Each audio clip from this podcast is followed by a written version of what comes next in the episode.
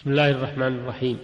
الحمد لله على فضله وإحسانه والصلاة والسلام على خير خلقه وخاتم رسله نبينا محمد وعلى إخوانه من النبيين وعلى جميع صحابته والتابعين لهم بإحسان إلى يوم الدين.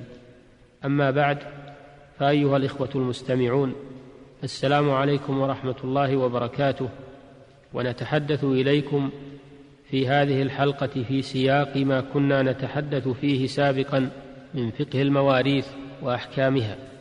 وما سبق كله هو حديث عما إذا تحقق موت المورث وتحقق كذلك وجود الوارث عند موت المورث وهذا واضح لا إشكال فيه.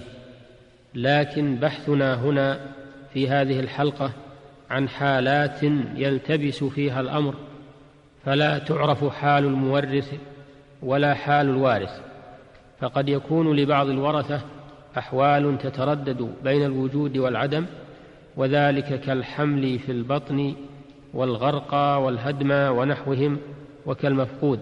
وقد يكون هناك تردد بين كون الوارث ذكرا أو كونه أنثى وذلك كالخنثى المشكل والحمل في البطن.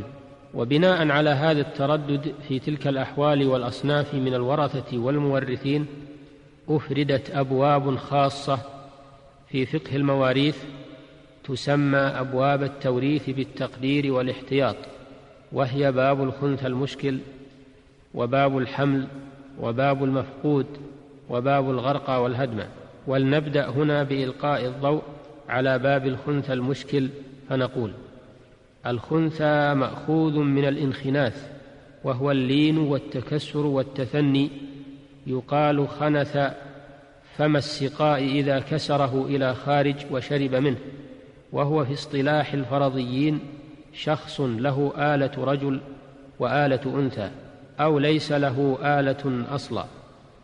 والجهات التي يمكن وجوده فيها هي البنوة والأخوة والعمومة والولاء.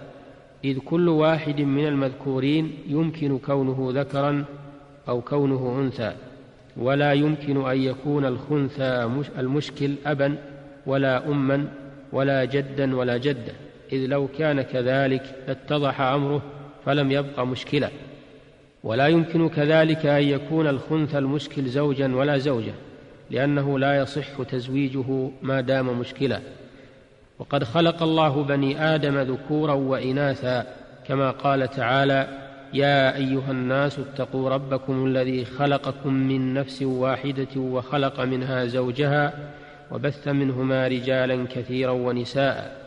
وقال تعالى لله ملك السماوات والأرض يخلق ما يشاء يهب لمن يشاء إناثا ويهب لمن يشاء الذكور أو يزوجهم ذكرانا وإناثا. وقد بين سبحانه حكم كل واحد منهما ولم يبين حكم حكم من هو ذكر وأنثى فدل على أنه لا يجتمع الوصفان في شخص واحد وكيف يتأتى ذلك وبينهما مضادة. وقد جعل سبحانه وتعالى للتمييز بين الذكر والأنثى علامات مميزة ومع ذلك قد يقع الاشتباه بأن يوجد للشخص آلة ذكر وآلة أنثى. وقد أجمع العلماء على أن الخنثى يورث بحسب ما يظهر منه من علامات مميزة.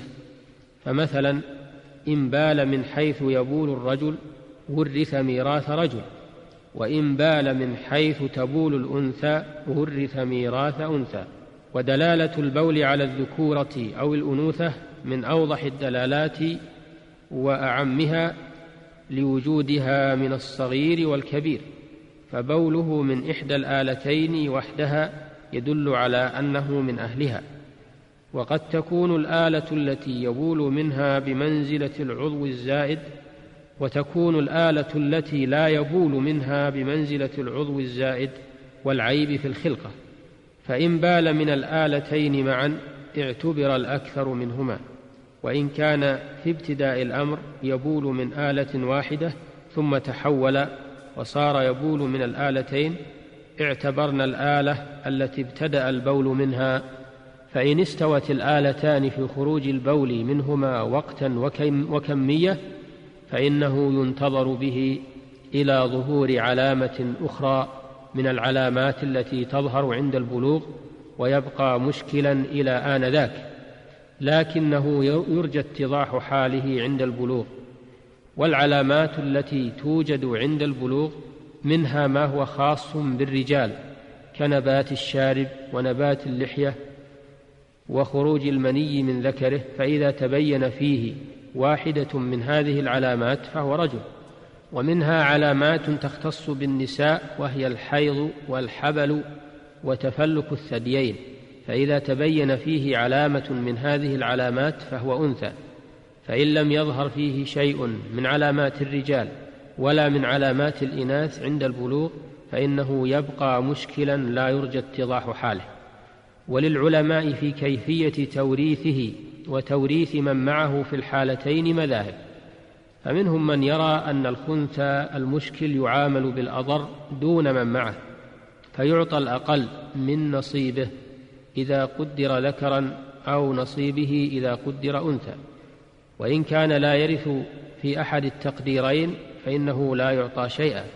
ومن العلماء من يرى أنه يعامل الخنثى ومن معه في الحالتين بالأضر ويوقف الباقي إلى اتضاح حال الخنثى أو اصطلاح الورثة على اقتسامه.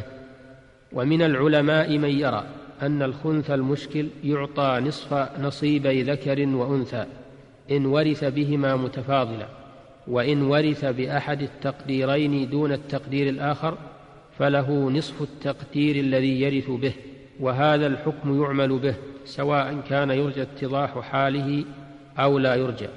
ومن العلماء من يرى التفصيل فإن كان يرى فإن كان يرجى اتضاح حال الخنثى عومل هو ومن معه بالأضر ويوقف الباقي إلى اتضاحه فيعطى هو ومن معه المتيقن من ميراثه ويوقف الباقي إلى اتضاح حال الخنثى المشكل. وإن كان لا يرجى اتضاح حاله فإن الخنثى يعطى نصف ميراث ذكر ونصف ميراث أنثى إن ورث بالتقديرين متفاضلا.